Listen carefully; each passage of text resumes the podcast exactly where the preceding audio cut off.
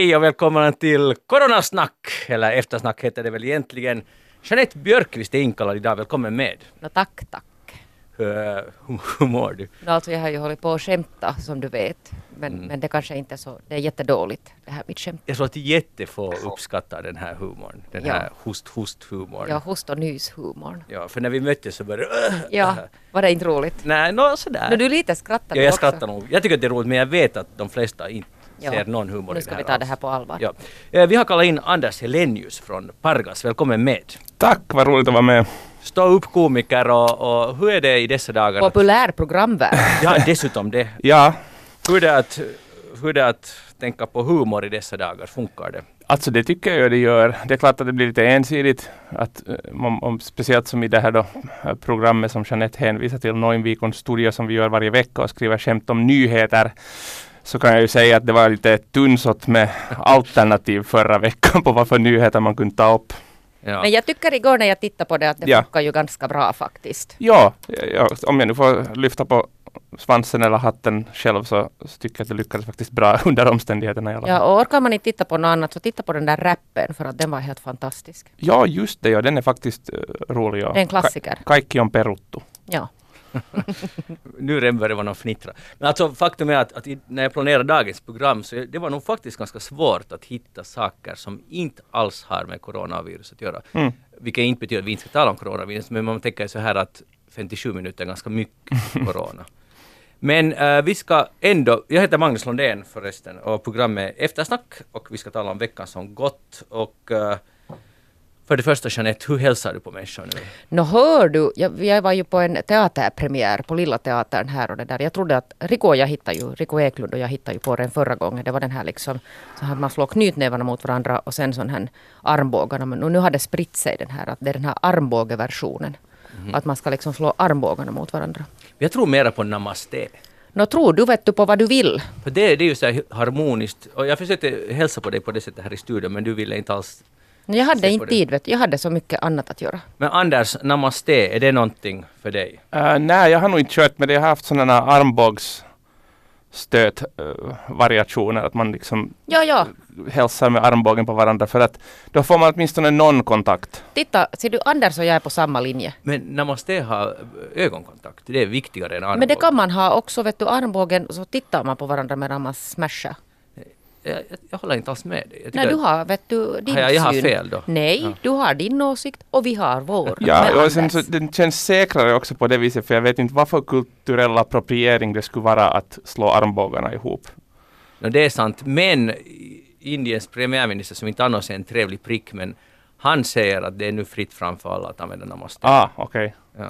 Den är Men liksom... vad äger han den? Nej, han, nej, han kanske beter sig så, men, men, att, men att det där... Han har copyright. och Donald Trump har använt det, så det betyder att det är okej. Nej, Men vet du, en var på sitt sätt. Anders och jag, vi kan slå våra armbågar mot varandra. Okej. Hej, ni har hört Mount Everest har stängt. Nu, nu, tyvärr Jeanette, får du, kan du inte fara dit. För Oj det nej, just när jag var på väg. Ja. Det, Och, det borde ju ha stängt tidigare kanske. Alltså Ja, har ni långt sett de här bilderna? Det var ju köer ja, upp till ett berg. Ja, alltså, då, det där är en av klassiska fotografier som kom ut typ i våras kanske, eller i höstas. Så det är ju en eh, modern klassiker skulle jag Ja. påstå. För att den, på något sätt visar den på många sätt hur saker och ting har gått fel i vår värld. Ja, och sen så där att folk tycker att de kan vara unika och, och liksom speciella och lite excentriska med att göra någonting tillsammans med 10 000 andra människor per dag. Mm. Ja, ja precis. det, är ja. liksom, Ja, det är lite sorgligt. Men Mm. eh, okej, men det, är inte, det, finns betydligt mera närmare saker som stänger. I praktiken kommer säkert våra skolor att stänga eh, nästa vecka. Är Allt är all- avbokat, kaikki on peruttu. Ja, Mm. det är alltid avbokat kan man väl nästan säga. Hur, Jeanette, ska man leva livet i denna situation? Ja, hör du. Det, där, det beror ju lite på ännu vad som ska hända. Alltså sen i det skedet när skolor och, och dagisar stänger så då blir det ju nog säkert ganska utmanande för ganska många människor. Mm. Det där nu är ju det mesta, det är ju säkert att Anders kan berätta varför han är i Åbo nu. Men det där det är ju en massa evenemang, väldigt massa evenemang, uh, hobbyverksamhet och, och allt möjligt sånt som är lagt på is. Ja, jag menar all barnens aktiviteter, också vuxnas för den delen, är ju inhiberade. Och, och det är ju lite intressant att skolor kan vara öppna åtminstone tills vidare, men att ett scoutmöte med fem människor eller tio inställs. Okej, det, jag tror att alla förstår var, varför det funkar så här. Men före vi går in på de här konsekvenserna. Men mm. Anders ska väl få berätta varför han är i Åbo? Jo, vi kommer att ta upp dem en liten stund. Uh, uh, det, som... det, det låter som något hemskt mystiskt och någonting som absolut måste förklara. Ja. åt, åt svensk Finland. Varför är du som bor i Pargas i Åbo? Ja! alltså det, det, en orsak kan vara att um, Pargas och Åbo är närmare varandra än Pargas och Helsingfors. Ja. Och vi har ju nämligen inte berättat ens här att Anders faktiskt sitter i en studio i Åbo. Det var ju bra att det kom på tal. Så Anders, vi ser inte Anders utanför, utan via en Skype-länk länk som bäst. Men i alla fall, jag skulle vilja komma tillbaka till uh, en allvarlig sak. Alltså förtroende för myndigheter. Och, och hur viktigt det är nu i dagsläget. Och Anders, börjar med dig. När THL kallar till presskonferens och de har gett ut en lång lista på på åtgärder och där de också poängterar hur viktigt det är att vi tror på vad de säger och på att man beter sig enligt deras uh, direktiv. Bland annat så, så står här ju att idag har det kommit att man ska inte upp, uppehålla sig för länge i ett köpcentrum, man ska inte uh, resa egentligen överhuvudtaget, man ska inte gå och träffa över 70-åringar om man är under 70 själv. Eh, man ska det där inte be, om man har barn, ska man inte be att morföräldrar eller farföräldrar ska ta hand om barnet. Man måste sätta händerna hela tiden. Ehm, mm, och så ska man hålla en, ett avstånd till sina medmänniskor också utomhus. Så ska man inte gå för nära någon annan. Uppfyller du alla de här kraven Anders? Vad tror du på myndigheterna? Jag tror nog på det förstås. Det är ju klart att, att det här är ju uh det, det, det, är klart att man, om man pratar sådär till en stor population som de ju förstås gör, så är det ju på det där sättet man måste prata. Och, och jag menar det är ju inte så att man ska gå omkring och vara rädd nu att om man en gång råkar gå närmare en människa äh, än en meter så har man plötsligt corona. Mm. Jag tror inte att det, det kan ju, jag säger jag tror inte för att jag är faktiskt ingen läkare utan komiker. Men det där, men det där borde ju inte fungera så. Det kan fungera så men det är ju inte garanterat att det gör det. Så jag tror att om alla gör 90 procent av vad de säger mm. så tror jag att vi klarar oss jättebra och alla kan sträva till 100 kanske. Mm. Uh, Jeanette, har du börjat tvätta händerna oftare? Nej men vet du, jag är jättebra på att tvätta händer alltid. Är du också bra på det? Oberoende av corona. Jo, för att jag är så rädd för noroviruset. Ah. Det är ju alltså min, min fobi. Ah, du har en sån egen liten fobi? Jag har min egen alltså. Den är en sån här konstant. Jag vill inte ha alltså norovirus. Okej. Okay. Så jag det är väldigt specifikt där att det är just ett visst virus. Ja, ja det är den där noroviruset. Mm -hmm. Jag har haft det en gång och jag vill aldrig mer ha det. Okej, okay, men utifrån uh, vad ska jag säga, reaktioner ute på sociala medier så är det ganska många just nu som inte vill ha coronavirus. Ja, jag förstår det. Och, det där, och, och ska det komma någonting gott ur det här så är det att människor lär sig tvätta händerna. Mm. Men det där, ja, så är det. Så du tvättar händerna, men kan du berätta hur ofta du gör det? Men jag tvättar nog alltså det där ganska många gånger per dag. Nu kan det hända att det lite har det där tilltagit dessutom på grund av den här den här hysterin. Och sen alltså vill jag då understryka att jag tvättar mina händer med tvål. Mm. Och varmt vatten. Och varmt vatten och tillräckligt ja. länge. Och jag tror ju inte på den här nu som det plötsligt blev någon sån här hysteri kring det här att man ska hålla på med den här den här Cassidesi, alltså den här desinfieringsmedlet som tydligen alltså det håller på att bli någon sån här svarta börsen produkt. Ja. Att det där, att den som tror att det ersätter alltså tvåltvätt så det, det stämmer alltså inte och det finns alltså helt en sån här kemisk förklaring till varför tvål är bättre på att ta bort virusen. Ja, det, det var ju redan 2009 efter svininfluensan ja. så konstaterades det sen efteråt att det var egentligen skulle vara mycket bättre om alla skulle tvätta händerna istället för att hela tiden hålla på med den där Ja. Alltså det kan, det kan vara som en sån här alltså reserv ifall det nu inte på, på något sätt går att få tag på en kran och, och tvål på flera timmar så då kan man ju slänga på sig lite Cassidecimen. Anders, hur har du det med handtvättande? Nu har det ökat och det har blivit noggrannare och det är oftare, ja. Ja, för jag är lite samma båt. Alltså jag har alltid nog tyckt att det är viktigt med det handtvätt. För man kommer hem och har varit någonstans och sådär. Men jag tvättar nog betydligt oftare nu. Så där, där har vi, står vi, och jag tror att de flesta gör det ju verkligen. Så där har vi följt myndigheternas direktiv. Men jag måste säga att jag fortfarande har ganska stort, eller väldigt stort förtroende för myndigheterna.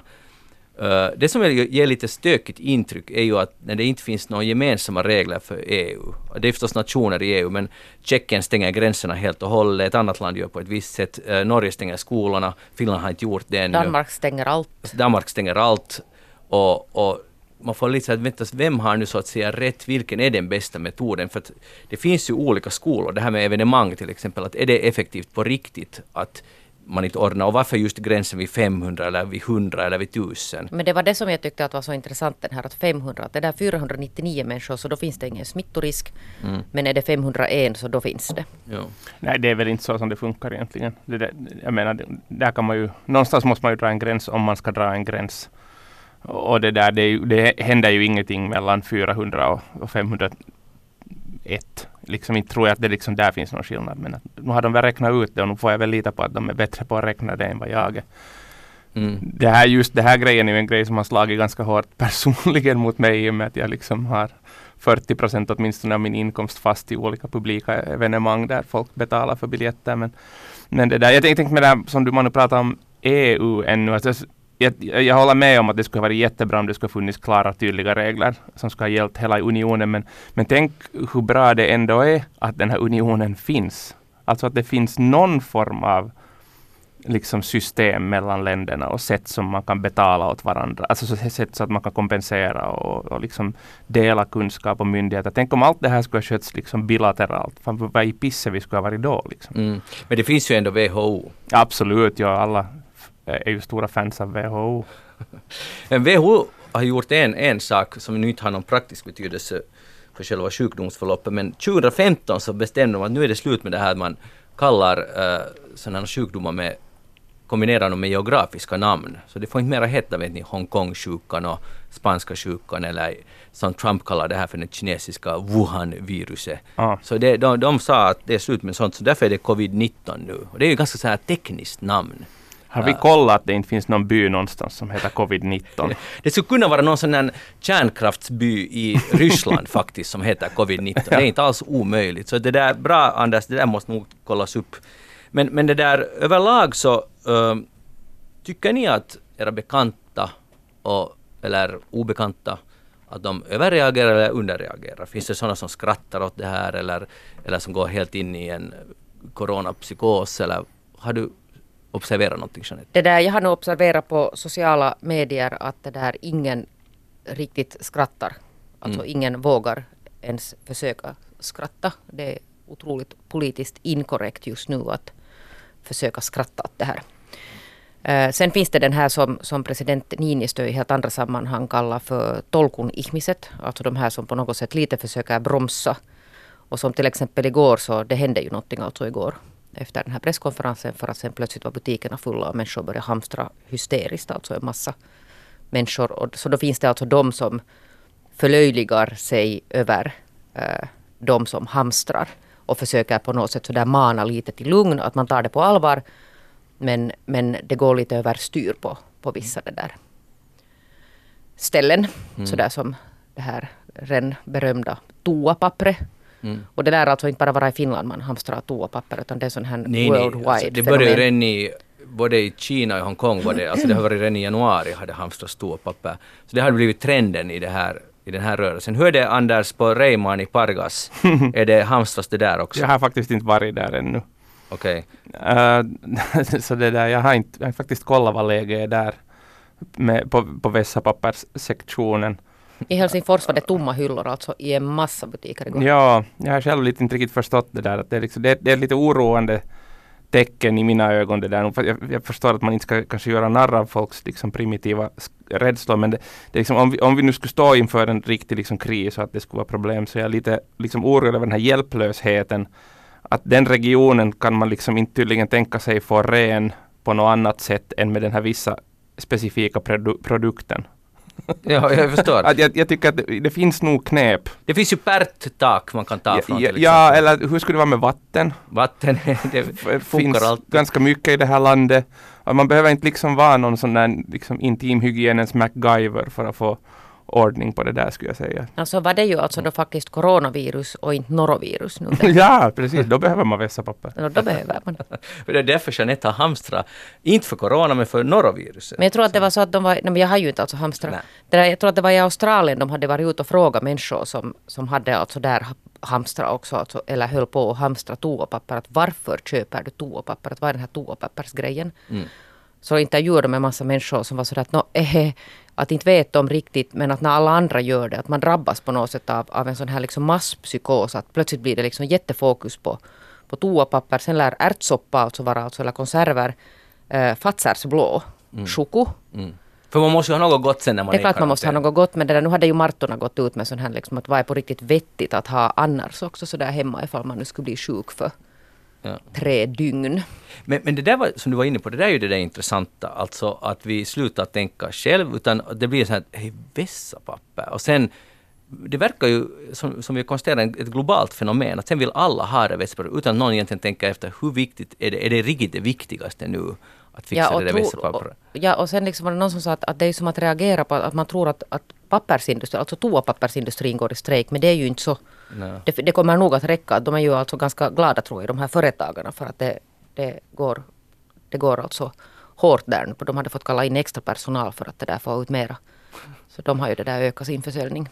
Det där, sen, sen, var det ju igår THL hade direktsändning och där var deras chef som snöt sig i direktsändningen och torkade svetten ur pannan och han, han påpekade att han har nog inte corona, men sen visste jag att han har nog inte testat sig. Och, det igen ger ju så lite, lite, man blir lite tveksam. Och, och, och, men det visar också att vi alla bara människor här, för att samt den här, var det Hollands premiär, Nederländernas eh, premiärminister, så han höll ju ett, ett tal där han sa att, att nu är det slut, nu skakar vi inte mera hand. Och han sa det, så skakade han hand med den som stod bredvid honom. Alltså direkt efteråt. Alltså det slutar ju inte där sen när han märkte att han gjorde det så började han kladda på honom något helt ja, otroligt. Ja. så en klassisk scen. Så någon dag när vi kan på riktigt skratta åt allt det här så kommer det där att ha en framträdande... Den där videosekvensen vara liksom en symbol för det här.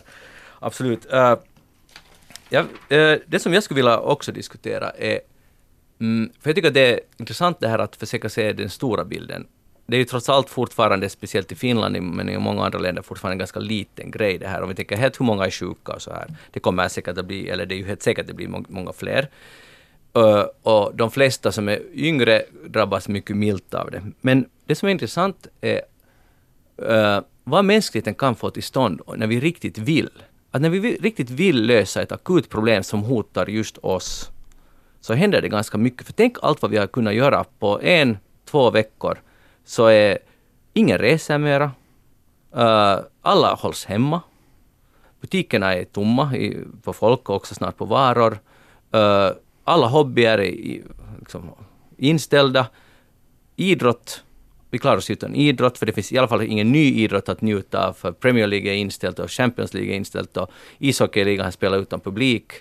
Uh, teater, Nationalteatern i Helsingfors och många andra teatrar ställer in alla uh, föreställningar ingen kan se Anders Helenius på stand-up på en mm. längre, på en, hur lång tid tror du att det kommer att vara? No, alltså, så, som det, så som det nu har gått då under det här senaste dygnet, sen den här äh, regeringens presskonferens, så har ju nog så gott som hela våren blivit inställd, åtminstone de två kommande månaderna. Att, att, ja, Ungefär någonting sånt. Men inte, inte tycker att jag nu behöver gå ut och säga någonting. Det här är ju en liten Nej. sån här, nu ska vi, nu ska vi liksom se dag för dag vad som händer. Ja. Och, så, och varje, varje gång vi, vi, är på väg ut någonstans eller någonting så ska vi väl fatta det beslutet. Och varje gång man ordnar ett evenemang eller öppnar dörrarna till ett evenemang så ska man väl fundera på det. Eller gärna lite innan då förstås. Ja, men i alla fall, det som jag ville, min poäng var här att uh, vad mänskligheten kan göra när vi upplever ett hot som akut allt det där har gått att göra. Om någon skulle fråga oss för en månad, månad sedan skulle vi säga att det går inte att göra i ett fritt samhälle. Det kommer aldrig att slå igenom, folk kommer att protestera, vi ska inte göra så och så vidare. Nu är det gjort och det, jag tycker det är eh, imponerande att det har gått att göra. Men samtidigt, som vi tänker på, alltså förlåt jag är lite tråkig, men gula febern. Bara som en sån sjukdom, 30 000 dödsfall per år. Malaria, hundratusentals dödsfall per år. I 25 miljoner människor har dött i aids, alltså totalt, allt som allt. Uh, tuberkulos, åtminstone någon miljon människor dör varje år i det. Och det här är de, en del av de här finns det helt färdiga botemedel. Det finns och ändå dör det. Och nu kommer det här och, och då har vi också säsonginfluensan som skördar, man vet ju inte exakt hur många, men låt oss säga 400 000. Men nu sätts all effort in på det här och det är på ett sätt positivt, samtidigt väcker det ju några frågor. Jeanette, har du någon kommentar till det? Det där, nu drabbar det ju oss du. Mm. Alltså den här Västerlandet. Är det det som är orsaken? Alltså jag skulle nog tro att, att det är det. Det är liksom det vad jag räknar med. Att, att inte det är liksom orsak, för att inte tala alltså om hur många som dör svältdöden till exempel. Mm. No, exakt, svältdöden. Eller liksom, jag menar, ta, som också skulle gå att lösa. Ja, eller ta någon sån här smutsiga alltså flyktingläger där det, där det sprids alltså en massa, jag menar barn dör av diarré. Och det är väl den vanligaste dödsorsaken? Ja, alltså av, av det där smutsigt vatten. Jag menar sådana här alltså massa dödsfall som, som beror, som du sa, på, på orsaker som inte skulle behöva finnas. Men det där, det, det pågår. Och det leder inte riktigt till någon vart, inte ens alltså till verkligt alltså sådana här starka hjälpinsatser. Men nu kommer det liksom så nära oss och då börjar man plötsligt bry sig. Mm, Det är ju också så att det här ersätter ju inte någon av de här dödsfallen eller sjukdomsfallen utan det kommer ju ut över dem. Vilket ju betyder att det liksom, okej det kan finnas en, en viss oproportionalitet i insatser. Men man vill ju inte ha en ny, en till säsongsinfluensa av det här. Mm. För det blir ju på riktigt eh, ödesdigert då. Och sen kanske kan det komma en tredje ännu en fjärde på det. Så att jag förstår ju att när det kommer någonting nytt så måste man också överreagera. Mm. Eh, Det är förstås jättesynd att det är så att det finns människor som dör i, i andra sjukdomar och orsaker också. Men, men den insatsen mot det här så tycker jag väl ändå att det på något sätt befogad. Ja, alltså att, ma- att inte kanske de går att jämföra ändå i och med att det är någonting som kommer eh, liksom på det, utöver det som redan finns. Mm. Jo, jag förstår hur du resonerar. Jag menar inte att det här ska vara... De åtgärder som nu görs är ju... Det är, det är kloka åtgärder och det är imponerande som sagt att vi får det gjort. Men samtidigt väcker det på det sättet, åtminstone för mig, frågan att tänka att vi inte löser de där Mm. problem, massa andra problem som vi vet att skulle gå att lösa. Relativt lätt eftersom vi kan uppbåda så här mycket gemensam kraft mot en sån här sjukdom. Där alltså över hälften redan har uh, helt friskförklarade, de 130 000 som har fått, så Mm. över hälften redan är redan friskförklarade. Så att, så att det där, och så här kommer det att gå för de allra flesta att man blir frisk. Och det är ju inte något roligt att bli sjuk. Och för många kommer, många kommer att dö. Men det dör varje år. Mycket, mycket, mycket, mycket fler. Och det intressanta är här, nu upprepar jag nu mig själv lite, men intressanta är att det låter vi på något sätt vara, för det inte finns, jag tror att Jeanette, det är inte här i Finland det finns, eller det är inte i USA eller vilket land man nu vill tala om. Um, så, ja. Det, har ni läst Anders på, för man blir lite så här pandemifreak här när man börjar, har ni läst histori, his, de här liksom, vad det har funnits i historien tidigare? Hongkong, spanska sjukan, sjukan och så vidare. När läst? min dotter har tittat på någon sån här Youtube, någon sån här, de värsta de värsta sjukdomarna i världshistorien. Så hon är alltså expert nu på sådana Ah, dödliga farsoter. Än en gång så vi borde haft henne med i Ja, studion så är istället. det. Ja, jag kan sticka härifrån om det. vi skickar henne till Åbo. Det, det där alltså, för att det är ju Alltså Hongkong-sjukan, som, alltså det var samma år ungefär som jag föddes, 68, och jag har varit ganska obekant med det här. Det dog en miljon människor. Det är ändå ganska nyligen. Uh, i en sån här, den kom visserligen flera år, och för att inte tala om svininfluensa som vi nog kommer ihåg, men ganska så här vagt, det dog flera hundratusen i den. Så alltså det har, det har varit ganska så här nyligen. Och ändå är vi nog alla jätte, jätte oroliga nu för det här. Jag vet inte riktigt vad som... Ja, förlåt Anders, säg. Ja, jag säger, säger att inte minns jag det här så här stort under svininfluensan. Nej. Överhuvud. Jag tror nog att äh, mobiltelefoner och äh, att det att media har blivit mycket mer äh, minut eller sekund äh, baserat än, än timbaserat som det kanske var då ännu. Så, så påverkar ju nog också här ganska starkt tror jag. Du, du, tror att 11 år gör den betydelsen? Ja, Men jag tror nog det ja. också det att, att man har blivit van, på en, ett annat, van med ett annat sätt av kommunikation från, från mediernas håll än vad man hade då. Mm. Det och sen alltså det att de här sociala medierna har fått så mycket större roll. Alltså Mm. Människor kan ju hetsa varandra där också. Mm. Vilket alltså ganska många gör. Alltså det tog ju inte länge. Alltså det kom den här, den här rekommendationen om att under 500 personer och sen liksom avbokades i stort sett allt. Alla små evenemang, allting. Liksom Allt for på en dag. Ställdes in. Att, att när man någon dag skriver historien om covid-19 i Finland, så det var igår, torsdagen den 12 mars som var det där vattendelaren. Jo, jag kan sen- erbjuda mig att skriva den för jag har jag blivit av med en satans massa jobb nu så att jag, kan, jag, jag är tillgänglig. Jag vet ju hur du, det författarlivet det går, du måste bara skriva och söka stipendier och så nu är ser det jag sen. sa, ja. Jag får Ja. börja med det. Jag kan Ja. be om tips av dig sen. Ja. Men det är det där att människor kan ju sen, alltså, för sen får man alltså utanför hela den här medierapporteringen så får ju människor alltså ganska hetsiga debatter sen med varandra. Alltså där, där alltså men, verkligen alltså uppriktig och säkert befogad oro över den här sjukdomen och det ska man ju inte på något sätt alltså förminska. Det, det är ju liksom helt förståeligt men men det där, sen är ju inte alla lika oroliga så blir det sen någon sån här lägerbildning att, att vem är liksom nu orolig och varför är du inte tillräckligt orolig och, och, och sen blir det plötsligt så att vad, vad du än tänker och tycker så tycker du fel. Ja. Och jag menar finländarna, man märker ju det alltså de här människor går, alltså det går, känslorna går ganska heta just nu. Men att den där, det här att man börjar avkräva att, att varför reagerar inte alltså våra politiker starkare? Och sen plötsligt befinner man sig i alltså en situation där, där, det där regeringen diskuterar ungefär ett undantagstillstånd. Ja. i, i nationen och det är ju liksom påhetsat av människor som, som på något sätt man märkte att men titta nu att Danmark är så där stränga att varför gör inte Finland någonting och så på något sätt hetsar man fram det här att nu måste vi alltså verkligen ta i med med det där hårdhandskarna. Ja, det kan inte vara helt lätt att uh, det där avvägande mellan att inte skapa panik och ändå fatta kloka, uh, på vetenskap baserade uh, eh, åtgärder, alltså att vara nu beslutsfattare, är inte Nej, för det kommer lätt. ju när det är en ganska korseld Ja. tror jag där. Och men det som är positivt med en demokrati, till exempel Finland, att där sitter sen oppositionen tillsammans med regeringen och diskuterar att ska vi nu gå in för den här beredskapslagen eller vad, det nu heter. Det tycker jag är jättesunt och jag blir stolt över att det funkar så. Att man, hej, ska vi tillsammans snacka igenom det här? Och Utom att då ett parti i oppositionen verkligen vill ha den här Visst, visst. Men, men, men det diskuteras i alla fall tillsammans över liksom gränserna och så här. Men, medan i USA så kan Donald Trump, det var inte länge sedan han kallade det här för en demokratiska partiets bluff, hela den här sjukdomen. Vilket ju... Och så, såg du Anders det här talet när Donald Trump höll till nationen? Nej, just, just det såg jag inte. Nej. Okej, för när man, om man ser det så, jag vill bara säga alla som är Donald Trumps vänner, och det finns många av dem i världen. Se på det och fundera att den här människan kapabel att leda en nation, världens stör, eller mäktigaste nation genom den här krisen. Så svaret är att det är totalt omöjligt att tänka sig att den där jappen skulle klara det. För att, att han har noll empati och det enda som är viktigt är hur det går i november. Alltså det, är- det är faktiskt det är skrämmande att se.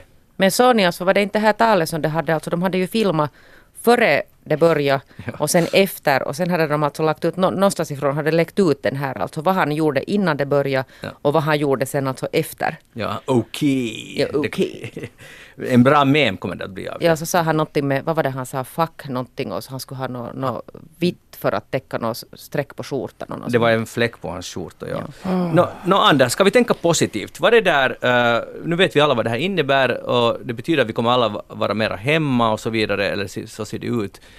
Va, vad kan vi få positivt ut av den här krisen? No, ja, ja, alltså det är klart att det finns... Jag tror att det här, det här hemmavarande kan faktiskt vara ganska positivt. Alltså jag, eh, liksom, som, som du redan tipsade om, att jag, jag måste ju bara börja skriva då. Och det är ju nog en sak som jag har länge velat göra. Att jag skulle ha mera tid att skriva. eh, egna alltså grejer som inte stand-up också. Och också att jag inte behöva resa runt och uppträda. Och då får jag mera tid att skriva stand-up. Så det är nu en sak. Och sen är jag faktiskt lite, jag vet inte att om mina barn kommer att tycka att det här är bra idé. Och, och jag, men att jag har lite sitt fram emot att få vara lärare sen hemma om de blir hemskickade från skolan. Eller jag, vet- jag vet inte, det kanske skulle kunna vara riktigt mysigt. Hej, vänta, vad har du för ålders barn? Eh, jag har eh, 15, 12, 9, 9. Aj, Kan man skicka det där, kan man skicka dit? Till Pargas. Ja, till Pargas på hemundervisning. Anders håller undervisning för Svenskfinlands elever. Hej! What do you say? Att, alltså, kan man göra på distans eller ska man skicka dit dem? Va? Jag, tror att det är liksom lite emot bestämmelsen att skicka hela Vänta, här Svenskfinland. sån här Skype, Skype-undervisning. Ja, det kanske skulle vara jag. Jag betalar lön. Jag sa nog faktiskt att jag skulle se fram emot att undervisa mina egna barn kanske mera Nej än... men Jeanette betalar lön och du behöver fyrk. Ah, det, så var det ju ja. Absolut. Hör du, vad är dina starka sidor i så fall? Som lärare. Ja, ja. Eh, jag vet inte riktigt om jag har tänkt det här så långt ännu. Eh, jag, jag, jag misstänker att jag skulle måste dra på någon sorts karaktär så att jag inte är hemskt mycket pappa. ja. Sen så att jag får hitta på någon sån här magister Anders. Inte vet jag varför han skulle bli, riks, han skulle bli rikssvensk plötsligt bara för att jag skulle få lite mera Det går säkert igenom det. hos dina barn, hör du. Absolut. Det ja. köper de. Alltså Ja. din 15-åring kommer att älska det där. Det, Ja, ja, men i och för sig så det är ju inte, hans kompisar ser ju inte det, så på det viset är det ju bra. Men det skulle vara värre om jag skulle rocka fram dit i Salinska högstadiet i Pargas och där börja liksom sen då magistrera i min karaktär. Ja, nej, det, vi avråder kanske från Mhm. det ändå. Mm. Det, det där, no, Jeanette, ser du något? Uh, Anders blir lärare och mera tid med sina barn. Hur är det med dig? Du, du vill skicka bort ditt barn till Nej, Anders. men jag tänkte att, det där, att jag, jag kanske inte lämpar att vara lärare. Det kräver liksom andra kvaliteter än vad jag har. Men är inte tanken ändå, vid sidan om i Pargas har de ett annat system, men är inte tanken det att uh, läraren ska lära via någon videolänk eventuellt eller ge läxor på Nå, något det- sätt? nå, det- nå ge läxor. Ja. Men jag tycker på något sätt det blir sån underlig den där att, att det där, det är ju inte, det kan ju inte liksom fylla hela den här lektions, liksom skol på något sätt funktionen det att, att man har, gör läxor hemma. Eller kanske det kan, de brukar ju få alltså muntlig undervisning också. Alltså nu måste jag ju påpeka åt alla att det finns inte något direktiv från Pargas ännu om att skolorna skulle stängas eller någonting sånt. Det här var bara helt mina egna fantasier. Ja, och- och det finns, också. och det finns Ja. ingen, ingen liksom klarhet i hur det här skulle göras i så fall och vilka videolänkar och inte finns. Men det kan jag säga att oberoende om det blir videolänk eller inte så kommer jag att ta på den här karaktären. Bra. Och det är ett löfte. Ja, jag kan kalla mig skolgångsbiträde Anders sen då. Ja. Men, men äh, Jeanette, an, andra positiva, alltså du har ju nu möjlighet att vara med ditt barn mycket mer och hemma med man och sådär. Men vadå, inte, inte har ingen har stängt några skolor i, i Helsingfors Nej, men ännu? det, nej, jag vet, men jag, jag försöker, jag, det, det är ju ganska sannolikt att det blir så. Nå, Men oberoende kommer vi, att- vi att Nå, vara mera hemma. Men nu ser du borde jag ha läst på lite bättre men jag tittade alltså det var någon som hade alltså gjort en sån här uträkning alltså vad som hände med de här industriutsläppen alltså att det blev sån här alltså bara liksom enorm svacka plötsligt fuff Mm. sjönk alltså de här föroreningsgraden. Och, och samma alltså när man nu slutar småningom alltså flyga tomma plan och, och dessutom när människor hålls hemma och inte kör med sina bilar. Så alltså det är helt miljömässigt är det ju. Det var ju någon som sa dessutom att eftersom ganska många människor varje år också dör av trafikföroreningar, alltså de här små partiklarna som Alltså kommer. massor människor. Massor, massor, massor med människor. Mycket, mycket fler än som dör i den här. Jo, och det där och dessutom för att, för att det är liksom en så här svår mätbar alltså Mm. effekt men, men det är liksom helt, det, det är liksom, så här är det att människor dör.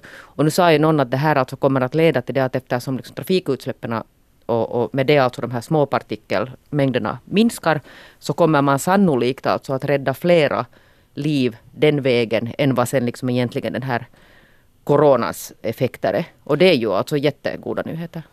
Det är en ganska intressant effekt. Sen legenden säger ju att nu ser man himlen i, i storstäderna i Kina igen och så vidare. Jag vet inte om det är exakt så, men att, men att det är ju alldeles klart att, men här igen, att med, vi kan göra någonting åt klimatkris eller miljöproblem i alla fall. Det är ganska hårda Men sen är alltså metoder. frågan att vad är alltså sen effekterna alltså av det att, att man gör de här? Jo, jo. Alltså på vilket sätt kommer det att synas? Ja, och sen är det ju alltså så att det där att, att vi kommer ju alltså att, att genomleva det här och, och liksom klara det här. Två månader, tre Ja, månader. det är nu liksom vad det nu sen tar. Alltså det, det är en tid framåt nu, en sån Mm. här, ett sånt här läge. Men vad händer sen alltså efter det? Att kommer det liksom att ha på något sätt sen liksom några sådana här längre effekter, till exempel att man då på riktigt minskar produktionen av, av onödiga varor och, och hela den här. Ja, det är en intressant fråga. Uh, kanske vi inte ska räkna med det ändå. Det finns ju en stor, stor risk för att det slår tillbaka. Alltså sådär att nå, äntligen är det Ja, över nu liksom. får reserestriktionerna bort. Nu ska det flygas. Mm.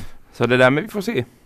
Vi får se, vi lever i spännande tider och den här, för att nu, det som man ju måste nu, tror jag alla, viktigt att alla förstår också de som, eller alla helt enkelt, det här teorin bakom de här åtgärderna är ju egentligen inte det att just nu är det, ligger, föreligger en jättestor fara för alla människor, utan det är bara för att sprida ut de här äh, antalet smittade så att inte allt kommer på en gång så att det inte ska bela- belasta sjukvården. Det är ju ganska smart. Och sen alltså det att man inte ska det där utsätta sådana människor som finns i riskzonen. Alltså det handlar inte så mycket att få Nej. jag corona än att, att kommer jag liksom med mig själv att smitta Exakt. någon som, som det där kanske inte har så bra beredskap.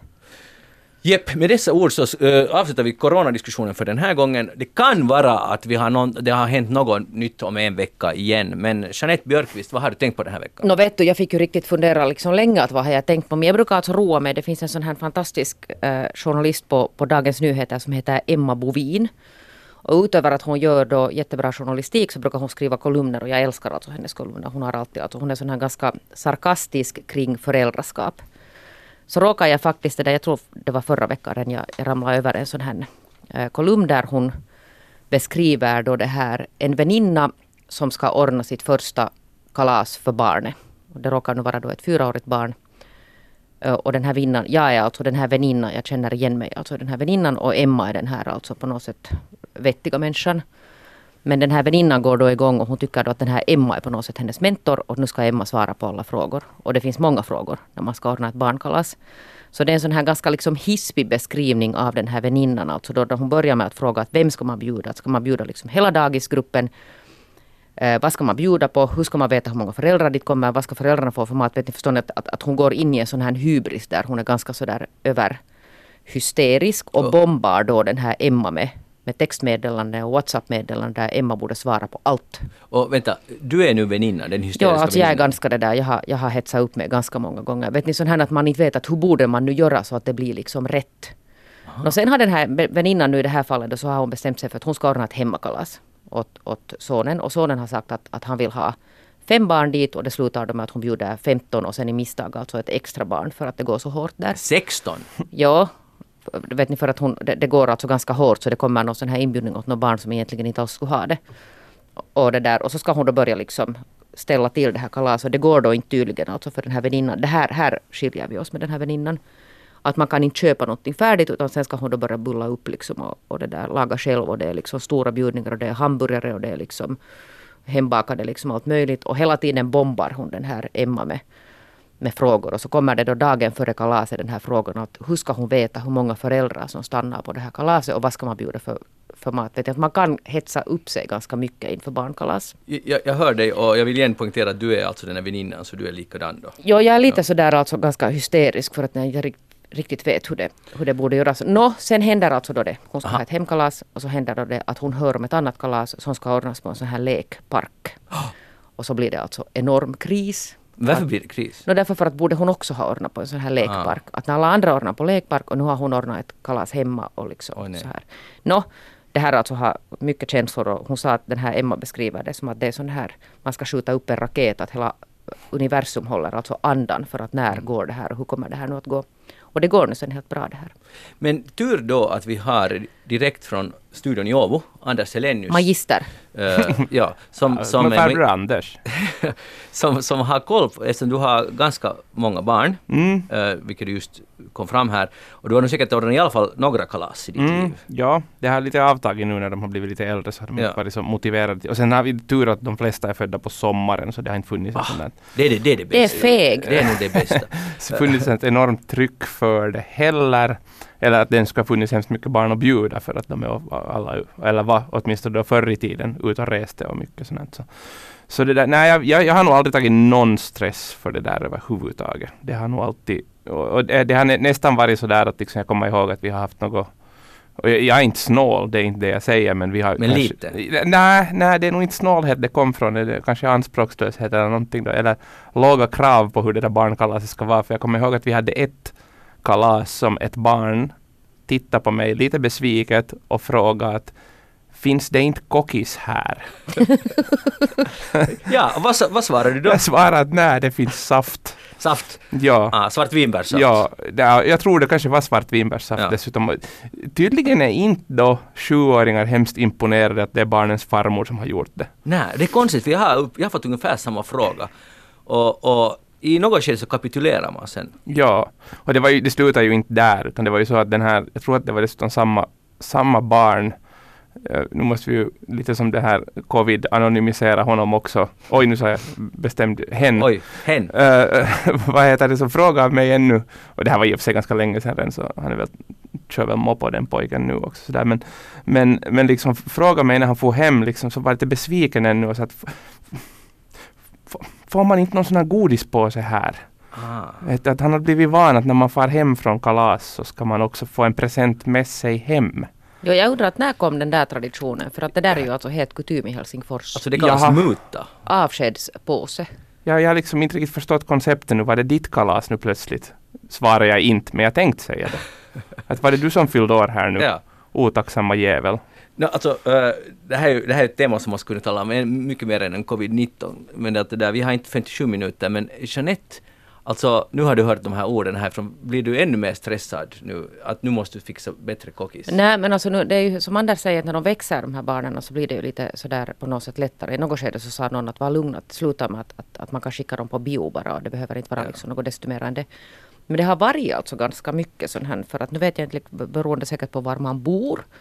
Men de här förväntningarna alltså på hur det här äh, kalaset ska göras. Mm. För att det sätts ju liksom, man lever ju i någon slags sån här kontext. Och jag förstod ju ganska snabbt när jag fick barn att, att det här med hemmakalas är kanske inte riktigt den här grejen. Jaha. Det har liksom nog fejdat det. Det, det. det är inte en trend mer att ha hemmakalas. Det har nog känts som att det skulle ha farit över nästan, eller gått över det. Det, ja, det har nog inte varit många. Vi har ordnat och sen i alla fall så ordnade jag sen för att sen tyckte min dotter att man kan man nu inte ha ett hemmakalas. Och så ja. ordnade jag ett hemmakalas och så sa hon sen att aldrig mer ett hemmakalas. Inte vill man ju heller att det ska bli så sen att det ska bli liksom en gång i året någon sån här mini svensexa. Nej. Att, alla, att de ska få fara ut liksom på paintball och efter det så ska man ännu fara på bergsklättring och fallskärmshoppning. Utan... Nej, verkligen inte. Alltså jag är helt för hemmakalas. Eller, eller utanför på gården om man har en gård. No, om man har hört ja. ett barn som fyller år en sån tid på året att man kan räkna med att de kan vara ute. Då skulle ju allt vara jättelugnt. Nu ska du inte spela offer där. Utan du inte måste... spelar jag något offer men jag säger att, vet du, att faktum är att om barnet är fött i slutet av oktober så kan du inte riktigt räkna med att du har utekalas. Vad har hänt med det här hurtiga finländska folket? Jeanette, du går du lipar där helt i onödan. För, därför att, för det första. Kan jag outsourca det här åt dig nästa år? Nej, verkligen inte. Nej, det här året. Du är sån här scout. Kan du dra någon scoutverksamhet? Okej, no, okej. Okay, okay. Jag, jag, ska, jag, jag ska inte jag göra köper det. den här servicen. No, ja. Så här talar en modern förälder. Köper, du köper allt helt enkelt. Ja. Köper bort det bra. Du kan köpa program av Anders. Men, ja. men eh, allvarlig fråga. Varför tar du stress för det här saken? Alltså, jag vet inte. Aha. Det är helt alltså irrationellt. Anders, varför tar hon stress för det där? Uh, nu är det väl någon sorts tryck utifrån och prestationskrav som bottnar någonstans i, i barndomen säkert. Ja, det är något sånt här freudianskt här nu. Jag inte vet, freudianskt kanske. det, det, behöver inte nödvändigtvis. Det, behöver inte dra det så långt, men att nu kan det ha formats någon sorts prestationskrav då. Som. Hmm. Men jag tror att det, det är det där nog, det är någonting med det här grupp, grupptrycket. Mm.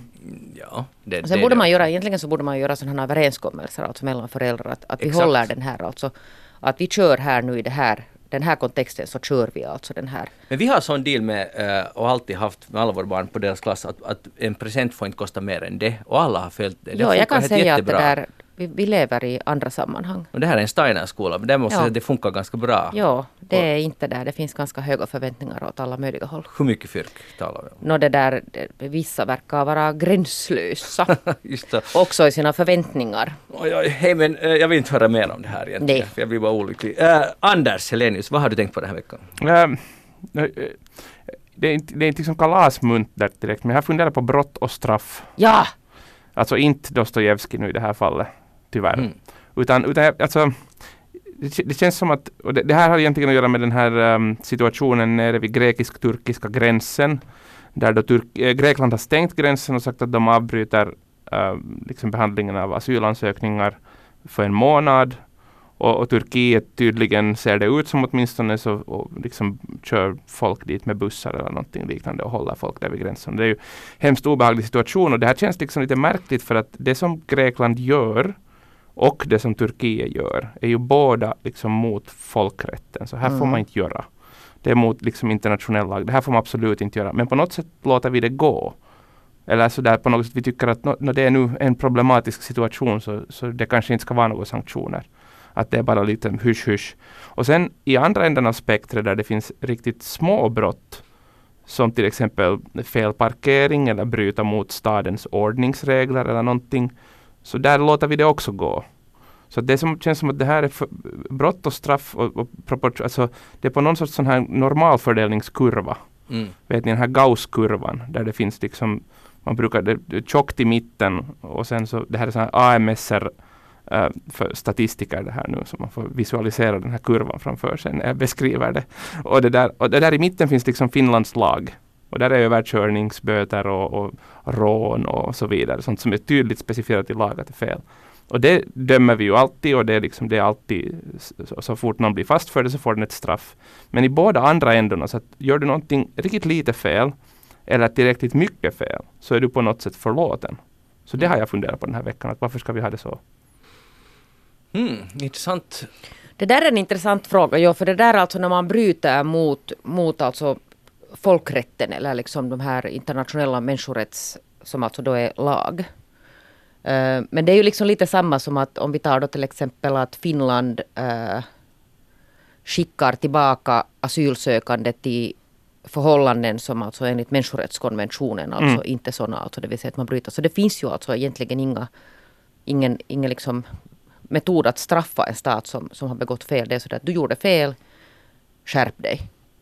Mm. Och det är ju lite samma nu med den här Grekland, att hur straffar man alltså ett, ett land där det alltså också finns på något sätt en sån här inneboende tes om att det där ifall man skulle fördöma Grekland, alltså man, men man menar jag då EU, så betyder det att då måste EU, alla länder i EU själva ta ett större ansvar och ingen vill ta ett större ansvar. Mm. Det är ju det som och så är. har det ju varit i tio år, minst. Mm, men det leder ju på något sätt till sen att när vi börjar Uh, det, det, detsamma kan man ju se då också i, i vad heter det, ska vi säga stadens ordningsregler i andra spektrum av den här brott och straffskalan då om den är normalfördelad så där låter man ju också saker gå och sen blir det saker som tidigare kanske har varit olagliga eller olovliga. Så så länge som man, folk bara tillåts liksom bryta dem så blir det normalt att man gör det och det slutar i princip vara fel.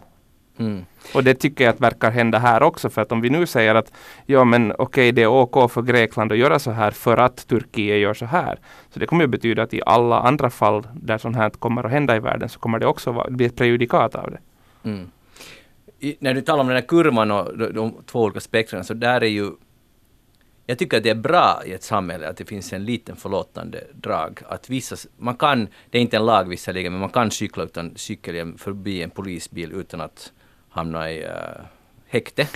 Uh, och det är helt bra. Och, och, man kan lite parkera fel. Att det måste finnas lite flex. Men det står ingenstans i lagen att man måste ha en cykelhjälm, var det inte så? Nej, det var, det var det jag sa, det är inte en Nej, lag. Nej, det är inte en lag, men det, ja. Förordning eller vad det nu är. Man får inte dricka i en park, det är inte en lag, men det... Nej. Men i alla fall, man ser lite mellan fingrarna mellan sånt här. Uh, och för att annars har vi någon Sydkorea eller Kina, alltså Kina mycket värre, förlåt, Kina, kinesiskt samhälle där det är full kontroll och individen liksom, man, man tynar bort helt enkelt och det är jävligt farligt. Absolut, men det är jag, jag, har ju kanske inte någonting emot den änden av, av normalfördelningskurvan, Gausskurvan i det här fallet, utan det är ju andra änden som jag tycker att det är skrämmande att vi börjar förhålla oss lika till som mm. till den andra änden. Ja, jag förstår. Jag menar bara att den ena, ena änden är okej, den andra änden är ju allt annat än okej, men den är för stor. Det är liksom för, för stora. Men å andra sidan nazismen, till slut så hamnar de i Nürnberg och, och förklarar sig. Uh, och det pågår ju nästan fortfarande jakten på krigsförbrytelser. Mm. Men, men det är det att just nu, det kommer inte att ske i det här fallet. Därför för att vi är alla med i det där. Alla EU-stater och Turkiet är verkligen där människor bara är spelknappar helt enkelt. Så det, jag tror att det, svaret på det här är att det helt enkelt är för stort. Men det måste jag säga, alltså det där som man inte tänker på för att det där, sen blir det genast ett sånt här jamsande om det här att men vi kan ju inte ta emot alla och det är ju liksom egentligen inte nu det det handlar om.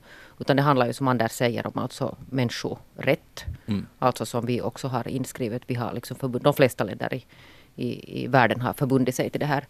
Och det är det att när man en gång börjar alltså det där tillåtas att bryta mot den här gällande, alltså säg då att, att det nu är de här asylsökande som det där då är ett jättekänsligt ämne för många. Så man måste komma ihåg att när man liksom börjar tumma på reglerna när det gäller till exempel asylsökande.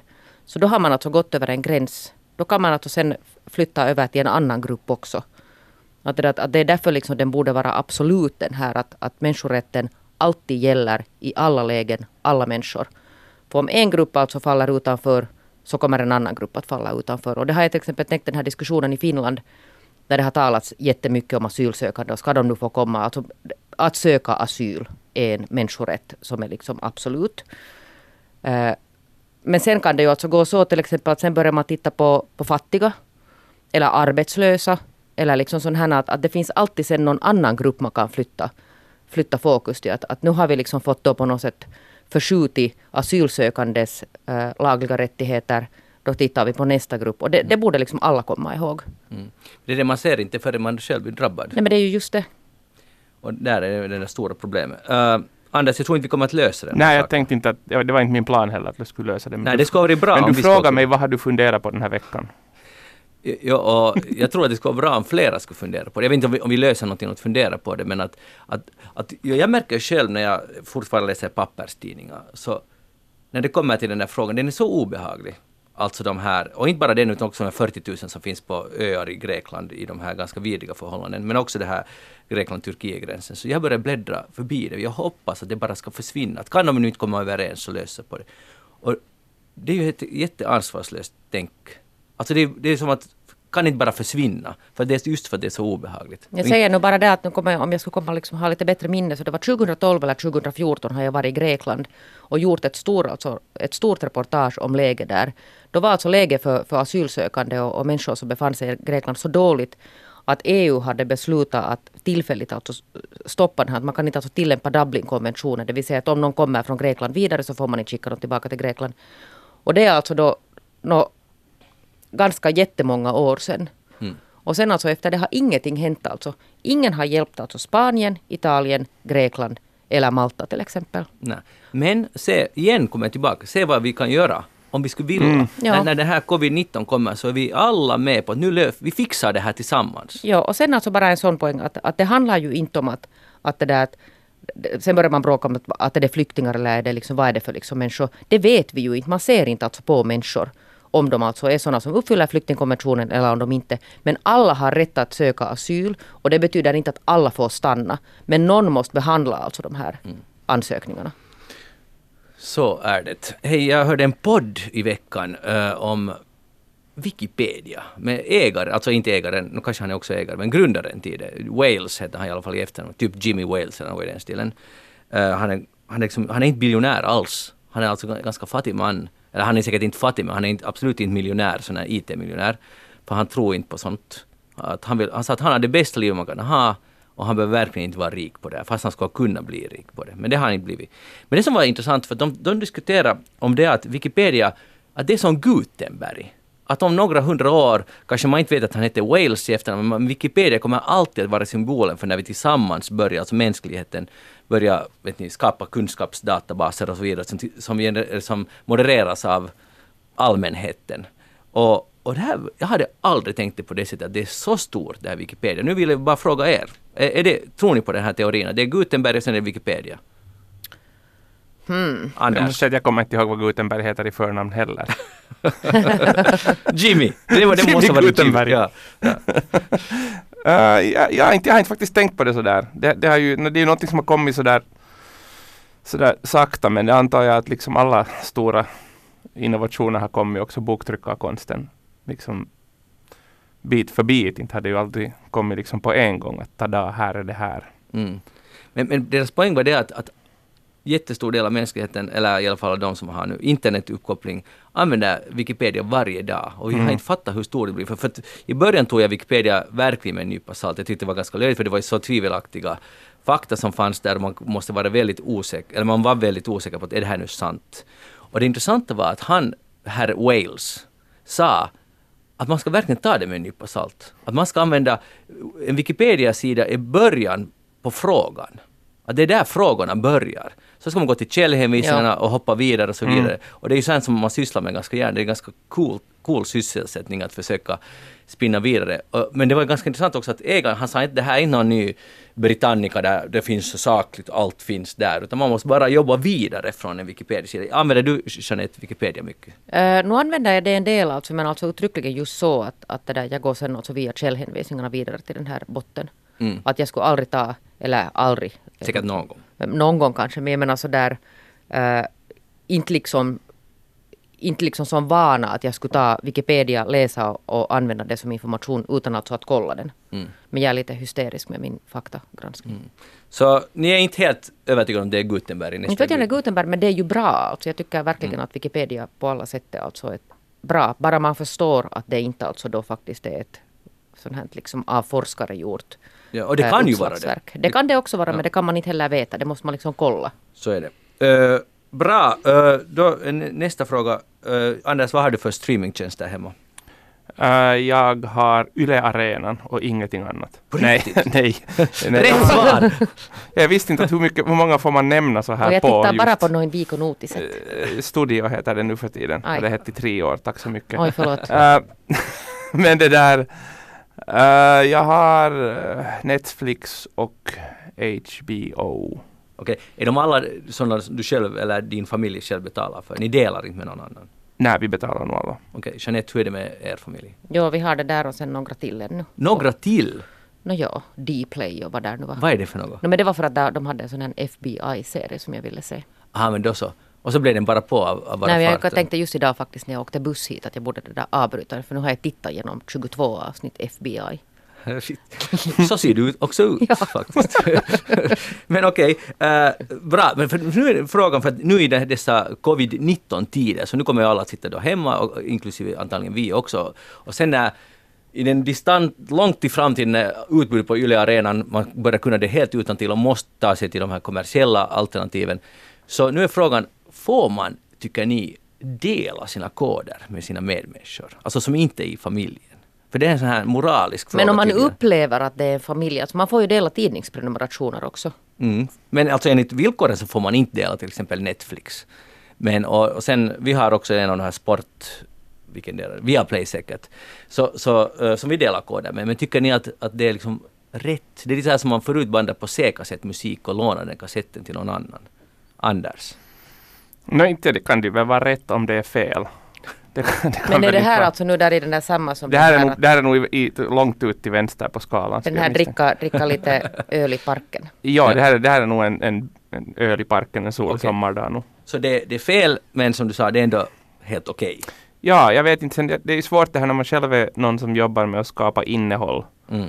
Så skulle man ju tycka att det skulle vara helt bra om folk skulle betala för sig nog. Mm. Men skulle du dela till exempel kod med mig och jag skulle hej, jag, jag har inga Netflix-koder, jag borde checka ikväll. Skulle du ge den, eller skulle du säga, hörde du får nog betala själv. Visst inte är det personligt, men Nej. nej, jag skulle inte dela Okej, med dig. skulle inte dela. Men det finns kanske någon jag skulle dela med. Förstås. Jeanette, hur, hur är det med dig? Jag har ju faktiskt det där delat vissa koder med dig, Magnus. Det har du ju faktiskt gjort. Ja, det Men har jag. Men har du delat någonting åt mig? Nothing. Nej. Och jag har stängt av Netflix och därför skulle jag behöva koder. Aj. Ja. Och jag, jag måste säga att livet utan Netflix är härligt. Ja. Att, att det, det blev bättre. Det blev, liksom, det blev bättre i mitt liv, så jag behöver inte din Netflix-kod. Men, men uh, okej, för det här det är exempel i artikeln jag läste om, om sådana som har sin ex-kod och haft det i vet ni, tre år efter att de har skilt sig. Att alla bara delar koder, det här är lite ny värld för mig. Att det funkar på det där sättet. Men det var ju generöst alltså av Exe att låta den här som Ja. inte gick att böt. Man kan ju byta lösenord också så att inte... Det är riktigt ultimata statement. Ja. Nu vill jag inte ha med det. Men hon sa att eh, den här exen var hemskt dålig med sina pengar ändå. Så att det liksom därför funkar det. Men jag skulle föreslå att dela lite mera koder, Anders. Eh, du behöver inte ge till mig, men du kan ge till någon annan. Okej, vi kan prova. jag kan dela mina Yle Arena-koder med dig. Det, det uppskattas. Jeanette Björkqvist, eh, vår covid-19-expert, tack för att du var med här idag. Ja, tack, tack. Och hoppas vi hålls friska och Ja. alla andra också. Och jag ser som det stod i Sydney i himlen, wash hands hade någon skrivit med ett flygplan, så det blev nu skrivet över he- hela himlen. Tvätta händerna Anders! Det ska jag göra. Anders Helenius, tack för att du var här. Må väl till, ja, och hoppas du får några shower. Månne månne inte jag ska klara, men jag kan skjuta rådjur där i parken som jag blir utan mat. Bra, utmärkt. Jag kan inte ännu, men jag lär mig. Det blir bra. Jag heter Magnus Lundén, eftersnack är slut för idag. Vi hörs igen om en vecka. Hej då!